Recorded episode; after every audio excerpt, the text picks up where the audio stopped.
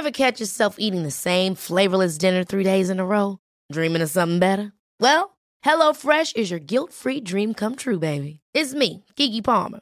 Let's wake up those taste buds with hot, juicy pecan-crusted chicken or garlic butter shrimp scampi. Mm. Hello Fresh. Stop dreaming of all the delicious possibilities and dig in at HelloFresh.com. Let's get this dinner party started.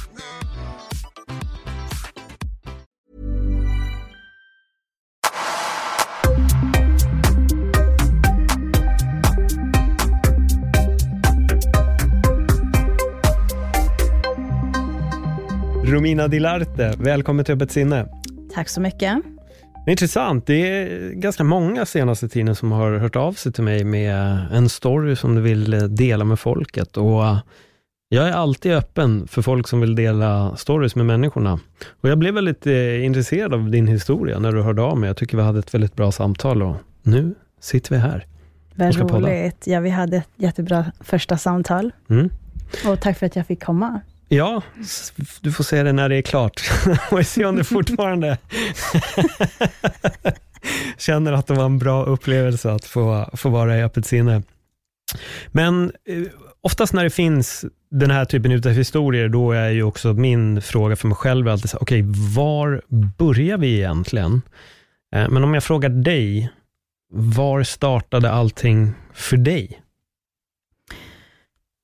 För mig startade det jag kan nog säga att 2000, 2006 så, så bestämde jag mig för att ta världens jobbigaste, svåraste, men absolut bästa eh, beslutet.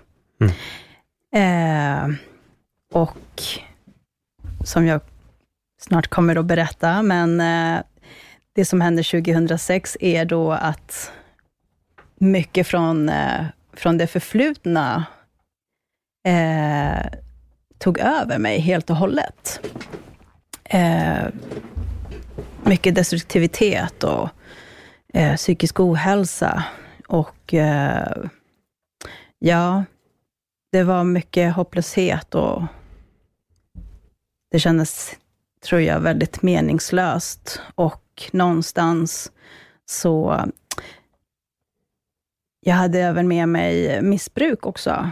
En hel del droger och eh, utsatthet eh, på många olika sätt. År 2006 så, så tog jag mitt livsbeslut. Eh, eftersom jag hade tagit en överdos det året. Eh, och jag tror jag blev väldigt rädd. Och samtidigt så faceade jag mig själv. Um, när, när jag väl vaknade upp. Jag vaknade upp och jag, eh, jag såg mig själv i spegeln och jag var så rädd att se mig själv. Jag tror inte jag hade sett mig själv på riktigt på hur länge som helst. Um, och jag bara grät och grät och grät och tänkte, hur fan kunde jag göra så här mot mig? Och jag kände att det var inte så jag ville leva. Det var inte jag och eh, jag var värd så mycket mer. Och samtidigt så visste jag att jag inte var ensam om en hel del då. Jag var inte helt ensam om min story. Eh, och någonstans så ville jag också eh, kunna göra en förändring dels för mig själv, men också för att hjälpa andra. Framförallt eh, unga tjejer, eh, hbtqi-personer och eh, ja, och, och, för mig blev det bara självklart att jag skulle ta det steget och en dag skulle jag kunna nå ut. Några frågor här. Eh, 2006, hur gammal var du då? Jag var 22, ja. 23. Vad överdoserade du i? Eh, metamfetamin. Var du själv? Eh, den, eh, den kvällen så var jag inte själv. Eh, dels så var det en eh, nära familjemedlem och, eh, och en, en, annan person då som jag, som jag var med då. Men när jag vaknade så var jag helt själv. Mm. Helt ensam. Och jag förstår inte hur jag vaknade. Jag tror det måste ha varit, jag vet inte, en mirakel eller något. Faktiskt. Hade det gått lång tid, eller hur? Alltså jag kan säga att eh, det började med att vara periodvis, när det hela började, till att på sex månader, eh, fyra till sex månader när jag började med metamfetamin, så gick det väldigt fort. Det gick väldigt fort. Att det handlade om att varje dag, varje dag eh, behövde jag ta för att klara av och en ställa mig upp. Eh, tills, eh, tills en kund på kaféet sa till mig, herregud, Romina, vad, mår du bra? Ska du inte hem? Stäng kaféet och åk hem. Du ser för jävligt ut. Alltså det var jättehemskt. Jag kommer aldrig glömma det. Jag var helt blek och svettig. Liksom. Det var, känns bara helt otroligt att ens berätta nu, för det är så här, berättar jag verkligen om mig själv? Känns helt overkligt. Men jag vaknade upp dagen efter. Det var den kvällen, efter kaféet, som jag bara kände att ja, jag hade ingen utväg. Jag bara kände mig helt lost. Vad tänkte du när du såg dig själv i spegeln? jag kände mig, jag kände mig som en, en, en levande zombie. Jag, eh, jag vägde 46 kilo. Och, eh, och från att vara så... Jag har alltid haft självförtroende och från att ha varit, jag tycker, jättesnygg och fräsch och med bra stil till att vara helt förstörd. Och jag tänkte, hur kan jag ha låtit allting ta kontrollen över mig? Hur kan jag ha låtit det gå så här långt? Jag vill leva. Jag kände att jag ville leva. Eh, det var som en, ja, en uppvaknande. Liksom en ring, ring bell som bara, hallå, mm. wake up. Vad, vad, tror du idag att det var som gjorde att du sökte dig till, till den typen av droger? Eh, alltså det hela kommer ju från... Det kommer från när jag, eh, jag växte ju upp i Vårby, i förorten. Och eh, det var rätt tungt där, för att dels så gick jag igenom en identitetskris. Eh, jag kom ut som homosexuell väldigt tidigt. Eh, och att komma ut var inte det lättaste. Jag gick, hur, gammal var du? Ja, jag, var fem, säga, jag, var, jag, var, ingen fara, jag var 15 år, ja. eh, då jag kom ut för kompisar. Eh, men för mig långt innan då. Hur gammal var du när du förstod det själv? Åtta. Mm. Så ung. Mm. uh, men jag visste inte just att det var själva, amen, åh, jag är homosexuell, för jag hade ingen aning mm. om, uh, utan, men jag drogs till tjejer. Jag gjorde det. Um, men det var mycket utanförskap. Jag gick igenom uh, mobbing. Det var mycket grupptryck. Otroligt mycket grupptryck. Och jag föll för det. det. Jag såg upp till, till de som var äldre, men uh, de som var äldre var ju, de var med i tunga grejer. Eh, och det förstod inte jag. Jag hade inte någon som riktigt, riktigt sa till mig, eh, eller varnade mig, eller liksom, ja, skakade om mig, typ. Mm. Utan det bara, jag bara körde på. Och sen så var jag själv där. Visste inte riktigt vilka jag skulle vända mig till egentligen. Jag ville liksom passa in på något sätt. Det var viktigt för mig då. Är allt det här kopplat till när du kom ut, eller är vi längre fram? Alltså allt, eh, allt är kopplat där någonstans. Mm. Eh, från att jag var 12 ungefär, 12, 13 till att, ja, tills jag var 22 år. Då. Så hela den från tonårstiden och ungdomstiden. Hur reagerade dina vänner när du kom ut? Många tog det bra. Många sa, ja, vi visste om det. De visste. Jag var va? Vad mm. sa ni inte för? eh, men det var många som, eh, som vände ryggen, vände ryggen och eh, det var liksom vidrigt och onormalt och, och sådär. Och,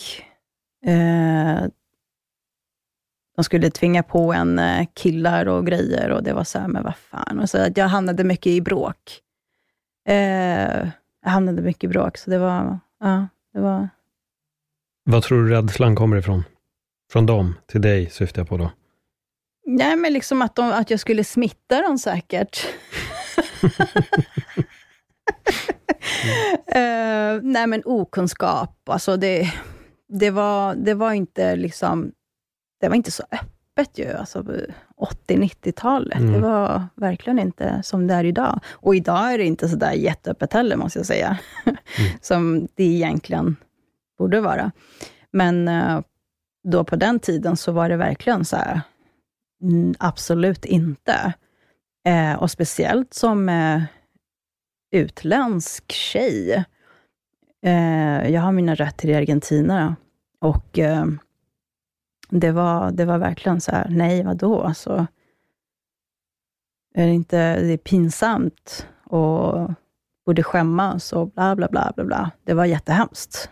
Och jag sa emot. Jag var, skämmas för vad då? Mm. Du borde skämmas, kunde jag säga tillbaks. Så det var tufft att försvara sig för otroligt många människor.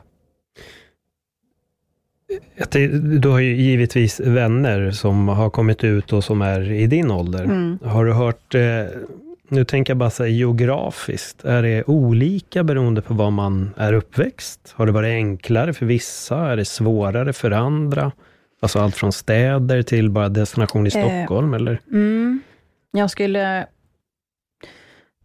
jag skulle kunna säga att eh, man kommer från de här mindre orterna, så eh, det är svårare. Jag menar, det är verkligen multikulti, alltså det är totalt blandade kulturer, där, eh, där många länder... Eh, ja, men det, det, här är ju totalt... Det är skamligt eh, med homosexualitet. Och, eh, och speciellt som kvinna, så är det ju ännu värre. Liksom. Eh, Även för män såklart.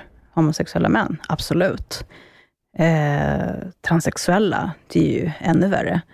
Så det, det är mycket mobbing. Och, alltså, idag är det otroligt mycket mobbing eh, fortfarande. Utanförskap. Det är, det är inte accepterat fortfarande i hur många länder som helst. Mm. Eh, och, eh, och här i Sverige måste jag säga att det är fortfarande en lång, lång väg kvar. En lång väg kvar. På vilket sätt upplever du det? Alltså, nu kommer jag prata utifrån mitt perspektiv mm. och uh, min upplevelse. Uh, om jag, jag menar idag är ju självklart jag är helt öppen, jag är förlovad med min fästmö och, och så. Eh, men eh, säger jag att äh, men jag är jag är homosexuell, det här är min eh, fästmö, så kan man ju märka av liksom, ah, va? Är du homosexuell? Aha, vad, är det din kompis? Eller liksom, nej, det är min fästmö. Vadå kompis? Aha, okej, okay, men Eh, alltså det är lite mm. sånt bemötande. Eller liksom att bara för att man uh, uh, man är kvinna, man ser bra ut, långt hår. Gud, det, skulle ju, det finns ju jättemånga vackra män där ute. Det skulle passa så fin och...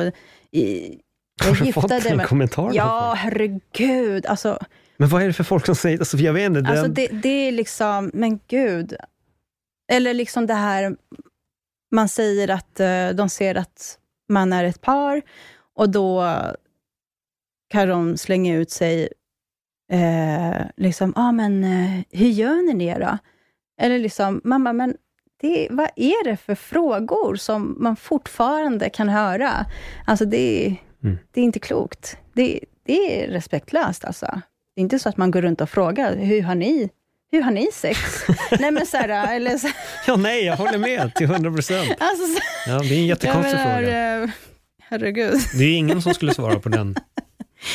det, ja, nu sa jag väldigt, väldigt få exempel. Mm. Väldigt få exempel. Eh, men jag kan säga så här, att 2000, 2019 så var jag och min fästmö med om eh, hatbrott mm. av eh, väktare. Och jag fick eh, brutna reben, eh, blåmärken och min fästmö fick blåmärken också. Eh, inget brutet då, men hon var väldigt skadad. Och, och Det var för att de här väktarna såg oss eh, kyssas. Och de kom fram till oss eh, och ville att vi skulle ut från stället. Eh, så att, ja, och, och, det ena ledde till det andra och vi, de slängde ner oss på marken. Och eh, ja, vi fick betala böter för det. Var var ni någonstans? Var på ett, eh, var på ett ställe, uteställe här i Stockholm. Mm. Och jag måste säga att det blev väldigt traumatiskt såklart. Eh, så att, ja, det, det sker fortfarande mm. och det är jättehemskt. Så för mig är det här viktigt då att, att, att nå ut. Att, ja, höja, att höja min röst då, för det är så många som går igenom till och med ännu värre saker faktiskt. Mm. Och inte har den här möjligheten. Nej. Nej. Alltså det finns så många saker att packa upp i allt det här, för det finns din egen historia, det finns det vi pratar om nu och jag försöker så här, var går vi? Men, men jag, vill, jag, jag känner så här, jag vill just nu lägga lite mer fokus på dig. Um, så att vi faktiskt pratar om det som vi hade planerat att prata om. Um, för jag tycker det här som du har tagit upp är jätte, jätteintressant. Vi kommer säkert tillbaka till det, för det, den här podden funkar så. Den är organisk och vi landar lite där vi landar ska. Men om jag, jag vill återigen tillbaka lite till, till bara skolan. Och hela den biten, det här när du hade kommit ut, vissa var det okej okay med, andra var det inte okej okay med. Liksom, hur handskades du med det? För vi har ju redan fått veta att du halkade ganska så snett. Mm. um, jag frågade faktiskt en uh, gammal kompis, hur, lite hur, hur jag var när jag var där i tonåren. Och, eh, och då sa hon så här, kommer du ihåg när du bara, innan lektionen började, så kom du fram till mig och bara, vet du vad? Jag gillar tjejer. Jag bara, aha, just like that? Hon bara, ja, för det är så det var. Och det, det var ganska fint att höra faktiskt, för att det bekräftar, eh, det bekräftar det, det är den bilden som jag alltid har haft mm. eh, om mig själv. Liksom, trots, trots motgångarna, eller vad, vad, vad människor har sagt, och trots att det har gjort otroligt ont, måste jag säga, jätteont, så, um, så stod jag på mig. Alltså det var liksom så här, aha, gillar du inte det, okej, okay. not my problem. Men eh, visst, det gjorde ont alltså. Men jag... Eh, ja, det var, det var inte lätt liksom. Nej. Att stå på sig hela tiden. Eh, eller så här, ja, men typ, du är så mystisk. Du ser så my mystisk ut. Och typ som att jag bar på en hemlighet. Ja. Och det gjorde du väl? Ja, det gjorde jag. det var svårt att vara på något sätt att leva i en, en lögn det var skönt att, släppa på det. Hur lång bara... tid tog det innan du kunde öppna upp det för eh, familj?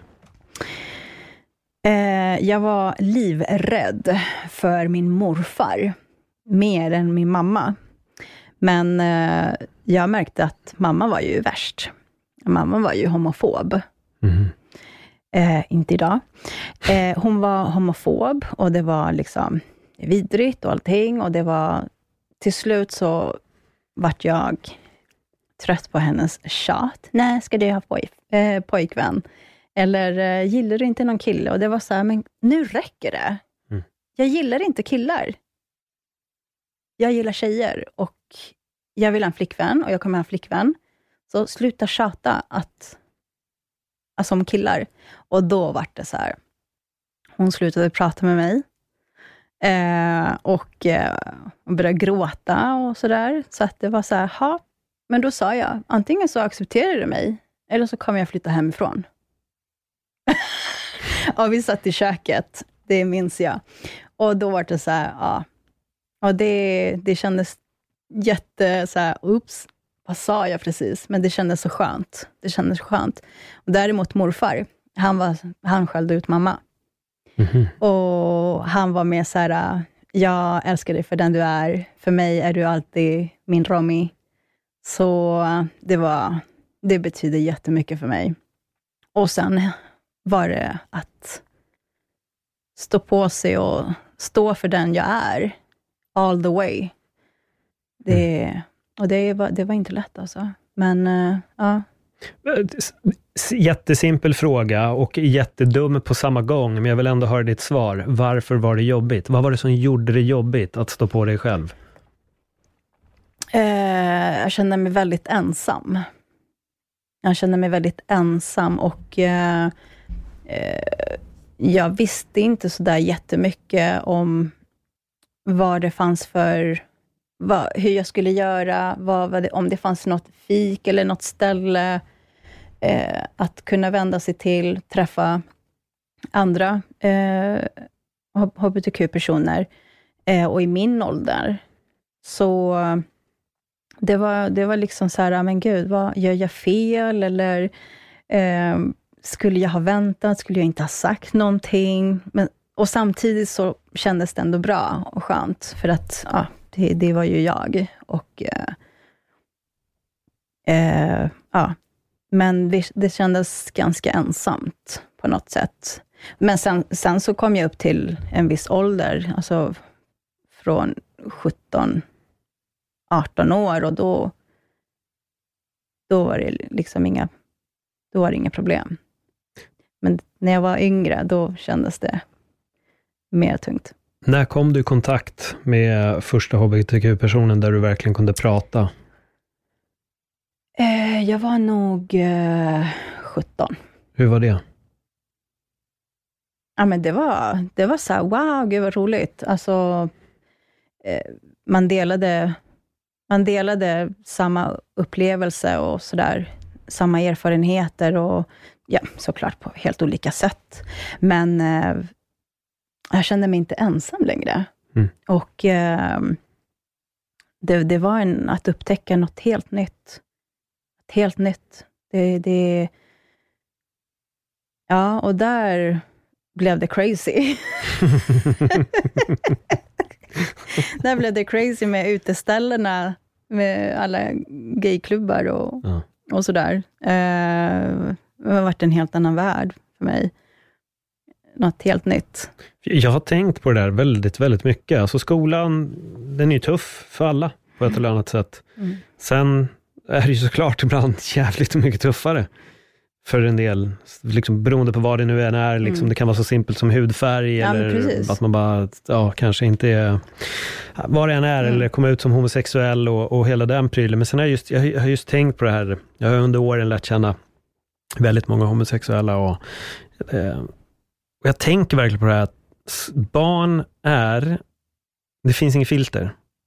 Det finns noll filter. Mm. Man följer det man har lärt sig Mm. och vad man har hört. Mm. Och då kan man uttala sig så korkat, för det finns noll filter på barn. Men det måste vara som befrielse att sen upptäcka den här nya världen när skolan är slut. Att bara så här, okej, det var då äntligen här börjar jag hitta mina likasinnade. Mm. Som är din sitt, som du säger, helt plötsligt komma ut till de här uteställen och här är alla som på ett eller annat sätt har gått igenom det du har gått igenom. Mm. Där du äntligen får vara dig själv. Att det är inte konstigt om en tjej kysser en tjej eller om en kille Mm. kysser en kille. Mm. Det måste på något sätt vara så otroligt befriande att första gången kliva in i en sån miljö. Ja, absolut. Det var ju det. Mm. Men eh, jag måste säga att det var en befrielse i sig att, att säga jag är homosexuell till mina vänner, jag är homosexuell till familjen. Det var befrielsen, att, va, att börja vara sann mot mig själv. Att, att ta, ja, att det här är jag. Det här är jag och det kommer alltid vara jag. Och Eh, resten, liksom det här med alltså, uteställen eller eh, ungdomsgårdar för hbtq-personer. Eh, det, det var ju liksom en, det var ett bonus, det är ett stort plus. Det tycker jag är fantastiskt och det, det finns väldigt, väldigt få ställen, måste jag säga, i dagens samhälle. Alltså, men eh, ja, eh, för mig var det en befrielse för mig själv. Sen, få, sen fick vem som helst säga vad som helst. Det, det och fortfarande, liksom, det, eh, det är inte alla som har den, den friheten, den möjligheten, den Nej. chansen. Det är av, av många olika anledningar. Eh, Får jag fråga, här, försökte du någon gång att inte vara sann mot dig själv? Eh, ja, i mina yngre dagar, alltså den perioden, det var eh, det var liksom för att visa, visa andra, visa min mamma, visa mamma, mina kompisar. Sen hände det liksom aldrig något, utan det var mer den här bilden utåt. Men sen så var det så här, jag vill inte ha dig, bara så att du vet. Och, eh, och det var så här, okej. Mm. Mm. Ja. Och det var, ja. Det var så. Jag känner att jag vill dela med mig av en historia här. Mm. I allt det här du pratar om, att det, ja, men det ser ut som det gör här nu och hur jobbigt det är för en del i andra platser också. Eh, du vet ju att jag har spansk bakgrund Yes. och min pappas farbror blir det. Har vi ju alltid misstänkt inte kanske gillade kvinnor. Det var ganska tydligt. Men han hade två barn. Men han kom ut som 78-åring. Wow. Då Mm. kunde han ta steget och då kunde han också visa upp den mannen som han egentligen hade haft en relation med i 30 år. 30 år. Ja. Och han kommer ju alltså från, han är död idag, eh, men han levde ju under Franco-eran Aha. och var militär och allting och har ju fått dölja det här. För under Franco-eran, om du hade kommit ut som homosexuell, då hade du Mm. blivit brutalt Mm. mördad. Ja. Så det är, det är en, ja, det är fint att det är bättre idag. Spanien har utvecklats otroligt mycket om man Absolut. jämför med, med hur de var då. Ja. Eh, och man får ju verkligen bara hoppas att utvecklingen fortsätter. Vissa länder står ju tyvärr kvar på Ja, men precis. stenåldern på något vänster. Precis. Eh, men när jag har hört hans story, jag har tänkt så mycket på just hans liv på ett sätt. Det här att bli tvingad att jag måste gifta mig med en kvinna, för annars Ja. kommer jag bli dödad. Det här är det jag måste göra. Jag måste skaffa familj, för det går inte. Mm. Och så är det väldigt många som har det. Ja, och det är många som Alltså, gör det ja. än idag, Ja. även under de omständigheterna där det ändå är relativt fritt. Precis. På grund av skam. Precis. Ja. ja, det är det. Och eh, jag kan tänka, jag kan säga så här, ehm, man kan alltid hitta en utväg. Mm. Och skapa sin chans att börja bli sann mot sig själv. Det, det är det. Vad, vad tror du att det är som är så svårt för folk att göra det? För du har ju varit i en sits där du, nu är du ju 100% sann mot dig Ja, själv. Det, det tar ju tid för oss alla. Mm. Eh, Även om vi lever räkmackelivet, att det bara flyter fram. Precis. Men, men liksom för dig, Mm.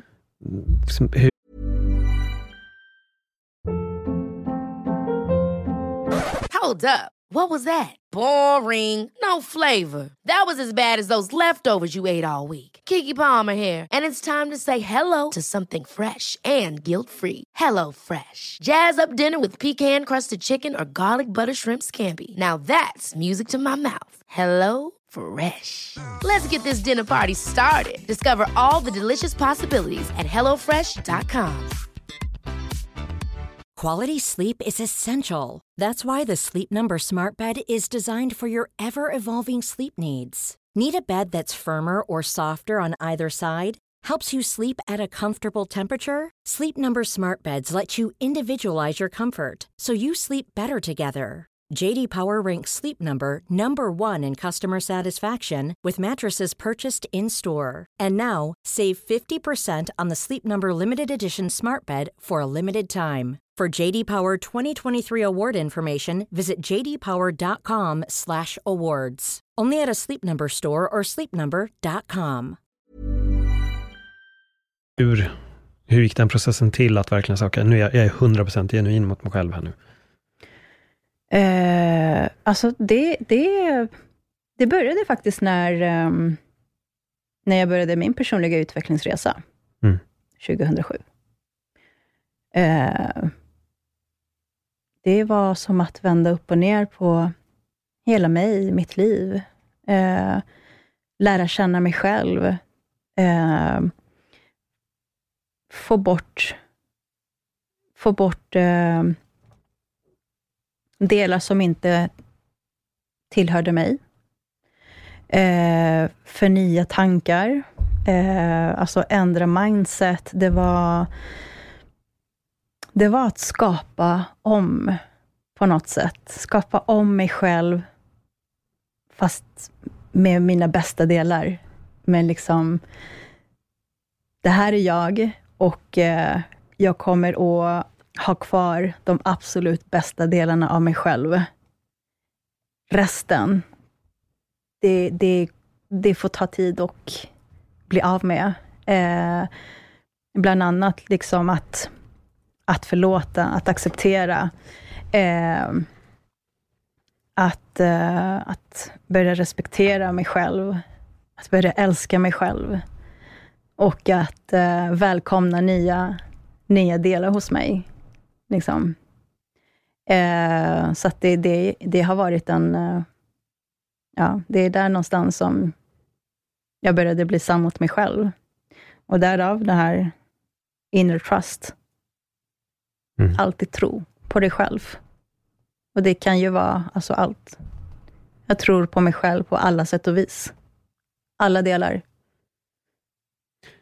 Drogerna, Mm. gav det dig någon gång en falsk tro på dig själv? Ja, alltså, jag kan säga så här att eh, säger man att åh, drogerna är, det får mig att känna mig så jäkla bra, så är det bara, that's not true. Det är inte så. Det är inte så, för att det är, eh, det är en rejäl smäll som man får tillbaka. Mm. Som kan vara liksom för, för e- evigt för väldigt många. På, på vilket sätt då? Om vi fördjupar oss lite i det. Eh, alltså man kan antingen så, det finns ju både riskbruk och så finns det beroende. Mm. Har du kommit in i beroende, så är det svårt att ta dig ur det. Och, ehm, och jag tror att jag, eh, jag satte stopp på något sätt för mig själv på gränsen där. Och eh, ja, det är det bästa jag har gjort. Och ja, jag trodde ett tag att eh, drogerna fick mig att känna mig bättre. För liksom några sekunder. Jag Mm. menar, men sen så var det ju bara jättehemskt. Allting är hemskt med det. Så att det finns ingenting som, som är bra. Alltså det, det är liksom, man får en falsk bild. Det är en falsk känsla. Det är, ja. Det är oftast bara en känsla Det- också. Vad sa du? Det är oftast bara en känsla också. Ja, men precis. Så, så att, eh, och allt annat kommer ikapp ju. Mm. Så att det, det är liksom, man försöker att dölja sanningen. Försöker Mm. att trycka bort. Självförnekelse. Ja, men precis. Man försöker att trycka bort och man intalar sig att okej, men det här var ju mycket bättre. Det här är mycket bättre. Men det är inte det. Det är inte det. Man tar koll på sig själv. Man dödar sig själv inombords. Vad skulle du säga har varit svårast att förlika sig med? De här grejerna som du tog upp, vad har varit den tuffaste utmaningen för dig? Att, eh, att kunna se, att, att ta beslutet att se precis allting, alla detaljer som jag varit med om. Observera. Observera precis allting. Förstå varför. För mig själv då. Eh, för mig var det viktigt att förstå. Eh, och att acceptera att det har hänt. Det, har hänt. Och, och, och liksom inte låta det kontrollera mig längre. Inte låta det liksom påverka mig mer. Och eh, för mig har det varit en av de största lärdomarna och utmaningarna. Att kunna facea ett problem och se det framför mig. Jaha, okej. Okay. Och sen bye bye. Och inte känna någonting. Mm. Utan jag kan bara, jag kan bara le. För det är den största styrkan jag kan ta fram för mig själv. Utifrån mig själv. För mig är det liksom, I did it. Jag sitter här idag. Så liksom, ja, Du blev lite en åskådare över dig själv. Precis. Där, Mm. där sa du det. Mm. Precis. Och, och, och det, är, det är faktiskt, när man tar det steget, att kunna eh, åskåda sig själv. Du sitter där uppe på någon vacker galax och så ser du dig själv där. Du ser hela din story. Mm. Och du kan sitta där och, shit, wow, vilken, vilken story. Men här sitter jag.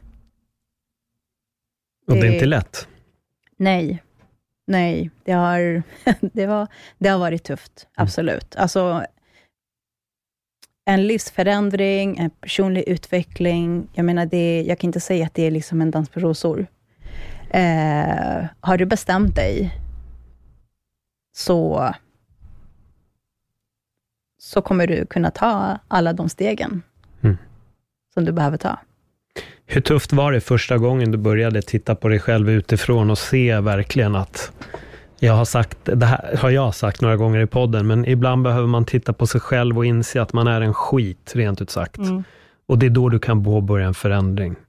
För om du inte kan se dina brister, då finns det ingenting att ändra. Precis. Men vi som ser våra brister, vi är ju redo att förändra dem. Och ingen är perfekt och vi blir aldrig perfekta heller. Vi Exakt. kommer alltid ha någon Precis. brist vad, som vi Vad är perfekt?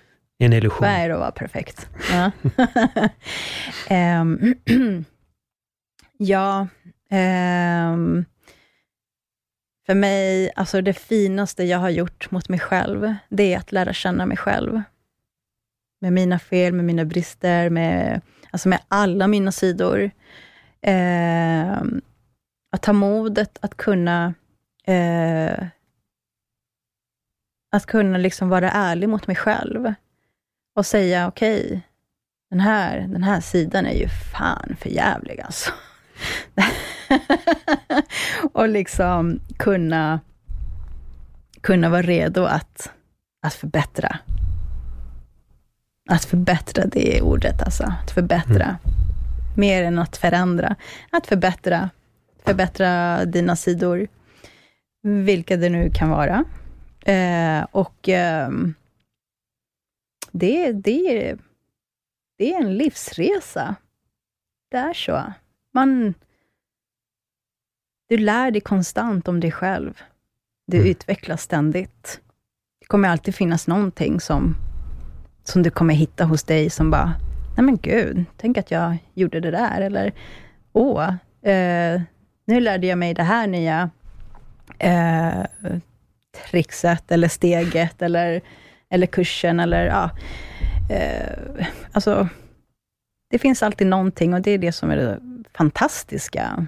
Eh, och jag, har, jag kan säga att det, jag har varit med om många dippar. För att eh, jag fick gå tillbaks väldigt långt tillbaks för att förstå väldigt mycket, för att kunna acceptera. Och sen eh, har jag en livslång sjukdom också, MS. Ja. Det var också det som, som förde mig till att, att jag också tog en överdos. Det ledde till det i alla fall. Um, hemlös, hemlöshet och ja, 2004 var tufft. Det var då jag fick diagnosen och saker och ting hände och sådär. Och, och där 2006 då, två år efter, så blev det nog för mig. Mm. Hur tungt var det att få en MS-diagnos? För det låter som att det var en ganska stor faktor. Absolut. Jag var 20 år och eh, jag trodde jag skulle dö. Mm. Alltså, jag, jag, det var liksom, va, va, vad är MS? Vad fan är det? Låt. Men eh, ja, det var, jag fattade ingenting. Jag låg eh, på sjukhus ungefär tre månader, utan att veta vad det var för fel på mig. Jag kunde inte gå, eh, jag hade ingen styrka i mina händer, jag kunde inte äta själv, jag satt i rullstol. Eh, mitt öga var helt förlamad. Den pekade utåt, så jag såg ut som ett, ett monster. Jag hade piratlapp och eh, jag hade yrsel 24-7 under nästan ett år, vilket gjorde att jag inte riktigt kunde gå heller. Um, och, eh, och jag var helt ensam. Jag har ingen familj. familj. Mamma och syskon flyttade till Argentina. Och eh,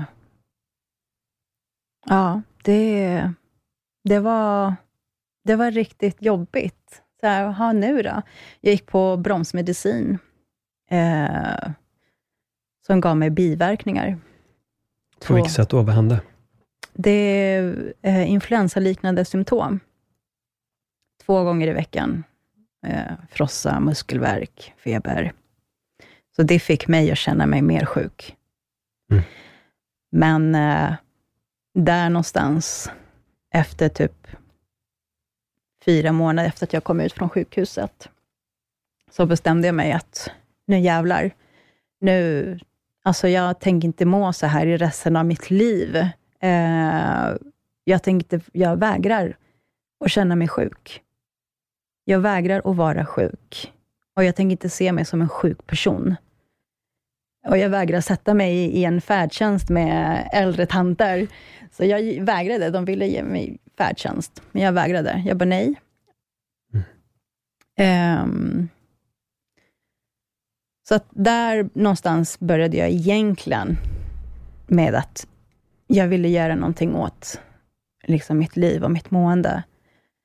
Eh, men som sagt, det var, det var jobbigt. Det är jobbigt när man, när man är så där ung, man känner sig ensam, man känner sig inte förstådd eller trodd.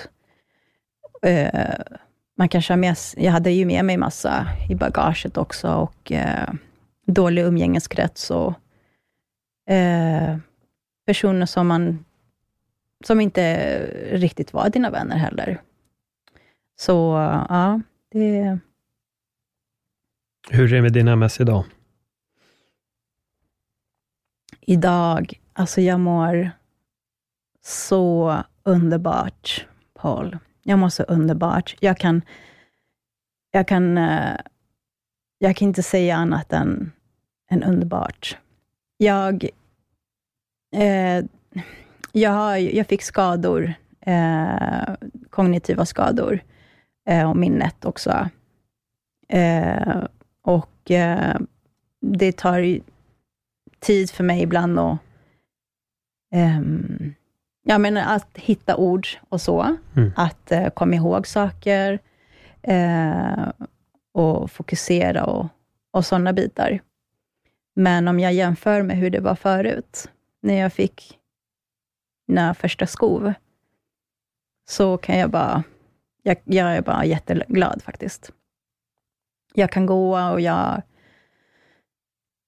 För mig kan jag säga så här, det har öppnat nya dörrar, nya möjligheter. Jag har vänt på allting. Jag, jag ser inte mig som en sjuk person, eh, utan eh, för mig har det öppnat en helt, en, en ny värld igen. Mm. Jag får liksom möjligheten att återigen kunna skapa mitt eget.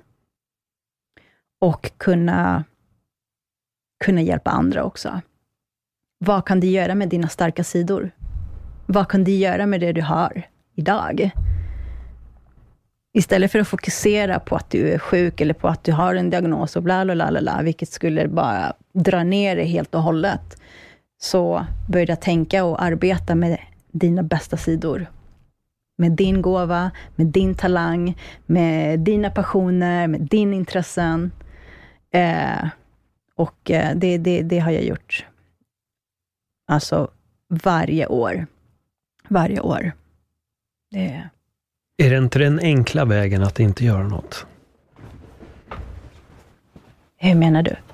Ja, men jag menar att du är ju på helt rätt väg. Alltså, du, du säger ju helt rätt saker, men då blir min fråga, är det inte den enkla vägen att bara skita i allt? Det är den enkla vägen. Ja. Det är den. Jag hade kunnat liksom, Åh, jag är sjuk, Mm. jag har MS, ehm, jag har MS, jag, ehm, jag har den här och den här och den här eh, funktionsnedsättningen och så vidare.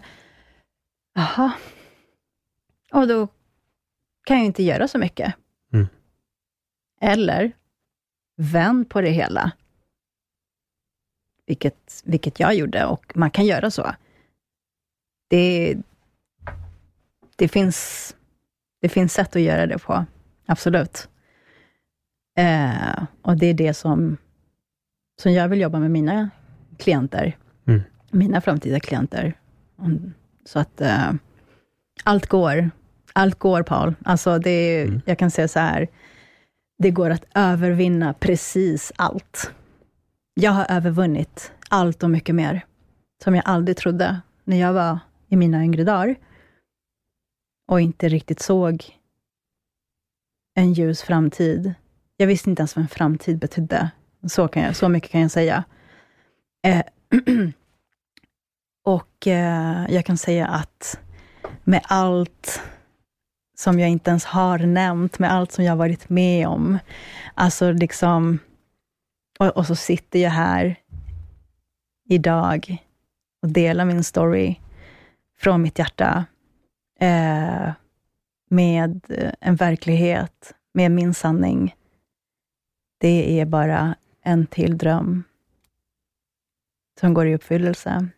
En, en, en, be- ett bevis på att det går. Vad skulle du vilja säga till eh, Romina som var i tonåren?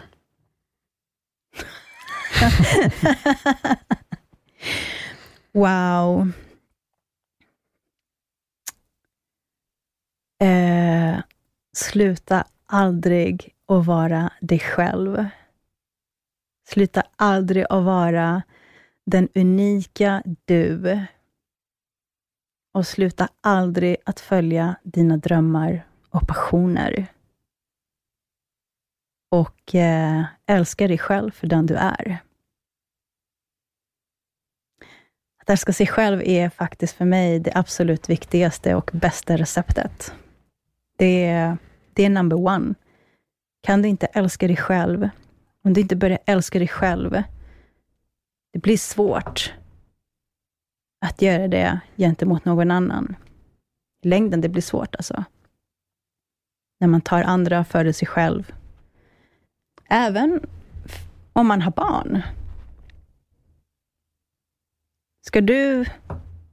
Ska man lära sina barn att älska sig själva och, och, och vara unik och, och, och det, då, då ska du börja med dig själv. Du ska kunna vara där också för dina barn och du ska liksom... Jag vill kunna vara den exempel för min framtida barn. Och, och därav så har det varit totalt värd hela den här resan. Alltså. Det blir en, en hel bok eller böcker att visa för mina barn. Det är love yourself. Det är kärlek. Varför tror du att folk har så svårt med det, att älska sig själva?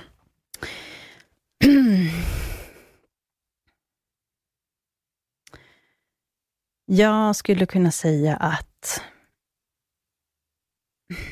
alltså man växer upp och eh, det är det här att utifrån mig då, eh, så var det mer att eh, jag tänkte alltid mer på, på andra människor. Eller liksom återigen det här med att man tänker på vad andra eh, ska tycka om dig, eller tänka om dig. Vad har den för åsikt om dig? Eller man börjar tänka på sitt utseende. Ser jag eh, bra nog för den personen eller inte? Eller, ja, eh, och, och, och man tänker inte på, man ser inte sig själv i spegeln. Ser du dig själv i spegeln varje dag och tänker, för fan vad snygg jag är? Ah, vilka mm. snygga tatueringar jag har, eller wow, vilken schysst skägg, eller fan, jag kanske borde klippa lite, men det är ändå snyggt, eller ah, vilka prickar jag har på ansiktet, men vad charmigt det är. Alltså, den övningen, det är en utmaning för så många. Eh, men jag kan se att när man börjar göra det, så händer det otroliga saker. När man, när man börjar se sig själv med, med kärlek. Jag står, jag ser, jag kan röra, jag kan känna, jag kan tänka. Det, det är liksom man är så värdefull. Man är den värdefullaste personen. Och när man börjar visa det och utstråla det utåt, så får man så himla mycket tillbaka. Och jag vill även komma tillbaka till att med sina barn, att, att kunna även visa det.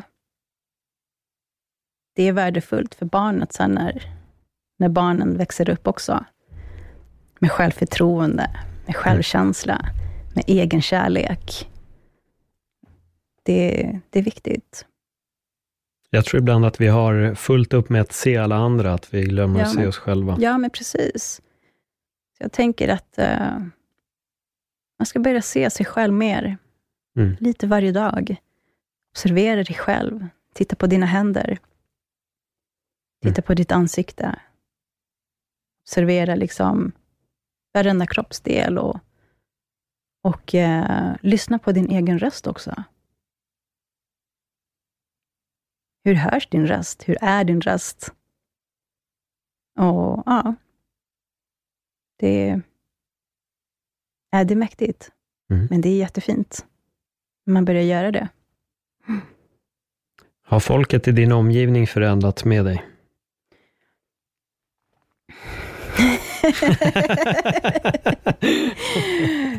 wow, det var en bra fråga. Um, jag vill säga min sambo, som min fästmö.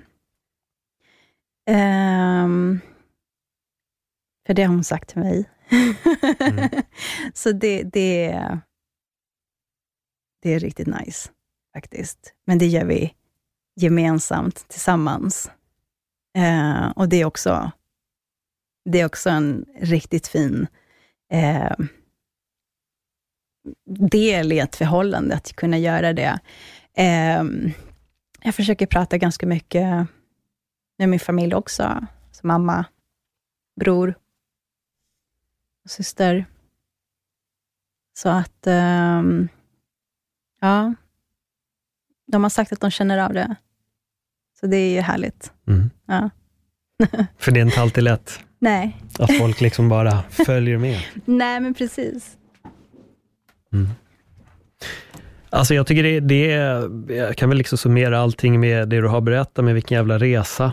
Det är väl egentligen den enkla summeringen av det. Det känns som att det finns mycket där i, men jag gillar väldigt mycket att höra dina tankar och speciellt den här äh, självåskådningen och hur du faktiskt tittar på dig själv. Och jag personligen tror ju att allting kommer inifrån Förändringen börjar Precis. där och kan man inte då, som du säger, se sig själv för den man är, nej, men då kommer man inte heller kunna ändra något. Precis. Jag tror att det är där allting, allting startar. Ja. Vad händer mer i ditt liv, i din framtid? Hur ser den ut? Och alltså, jag älskar min framtid just nu. Ehm, Mm. det, framtiden kan vara det imorgon. Eh, inte nödvändigtvis om fem eller tio år, utan för mig är framtiden nu, precis här och nu. Ehm, jag har manifesterat många saker i mitt liv, många drömmar och önskemål och eh, som jag har redan förverkligat och jag eh, håller på att förverkliga ytterligare. Och det är att ehm, dels skriva mina böcker, en om personlig utveckling, som eh, kommer att heta The Art of You. Och eh, jag är även med i en, eh, jag är medförfattare i en antologi tillsammans med tolv andra, som är eh, tack vare då eh, Karina Hammarsten. Och, eh, och jag skriver även en skönlitteratur, en självbiografi, som eh, jag hoppas att det kommer bli riktigt bra, vilket jag verkligen tror på. Så att, eh, eh, och jag håller på att starta eget som life coach. Mm. Yes. Ehm, empowerment life coach. Och ja, det är lite det. Ehm, ja, det är lite det. En poesisamling skriver jag klart också. Eh, jag är poet också, så att... eh, mm. Många järn i elden. Ja, jag är... Vad kan man säga? Vad kan man säga? En kreatör. Mm. Ja. Jag, jag gör inte bara en grej, utan jag, jag samlar alla mina kunskaper och gåvor, talanger. Ja. Även dans. Mm. Kommer göra lite, erbjuda lite express yourself eh, övning för klienter. Eller för de intresserade. Sprida mer kärlek, glädje. Utmana sig själva och sådär. Ja. Yes. Det är intressant. Det är, det är mycket som händer och det är mycket som har hänt. Ja, absolut. Så det här absolut. är bara början på ett nytt kapitel. Det här är ju enkelt. bara, det, ja, ja, verkligen. Mm. Det är den nya 20-åringen. Precis. ja, men verkligen. Nej, men det blir ju bättre med åren. Det är ju Ja. fantastiskt. Jo, speciellt om insikterna ramlar på plats. Absolut. brukar det bli bättre. Ja, verkligen. Men att också fortsätta vilja leva Exakt. och verkligen fortsätta driva på framåt istället för att bara vara nöjd och anpassa sig. Ja, men precis, precis. Mm. Jag älskar utmaningar och eh, att överträffa mig själv. Romina, vi har nått slutet. Alltså, eh, tack så jättemycket för ett eh, otroligt bra samtal och Men tack för att du öppnar upp själv. dig. Tack så mycket, Paul. Ehm, det känns jätteroligt att få vara här och Mm. dela min story. Ja. Mm. Tack för att du ville göra det. Ja, men tack. Resten får man läsa min eh, bok. Exakt. Men, men var hittar folk dig om de vill följa dig nu? Var, eh, var hittar man dig? Här och nu, eh, Instagram, Facebook och sen så eh, holity.se. Vad heter du på Instagram och Facebook? Romina Delart. Okej. Ja, men bra. Det är bara att gå in där, följa, Yes. så får ni uppdatera om allting som händer i Rominas liv. Ja, men precis. Ja. Och ny hemsida kommer då. Mm. Mm. Allting kommer ni hitta där. Jajamän. Ja, men super. Ännu en gång, tack så jättemycket. Tack själv Paul, tack Ja. så mycket. Och eh, yes, massa kärlek. Verkligen. Massa kärlek till er där ute och kom ihåg, det är aldrig för sent och du är inte ensam. Så om du befinner dig i den sitsen som Romina en gång fanns, så du är verkligen inte själv. Och du kommer att kunna ta dig därifrån. Med det säger vi tack för den här gången och ta hand om er. Hej då!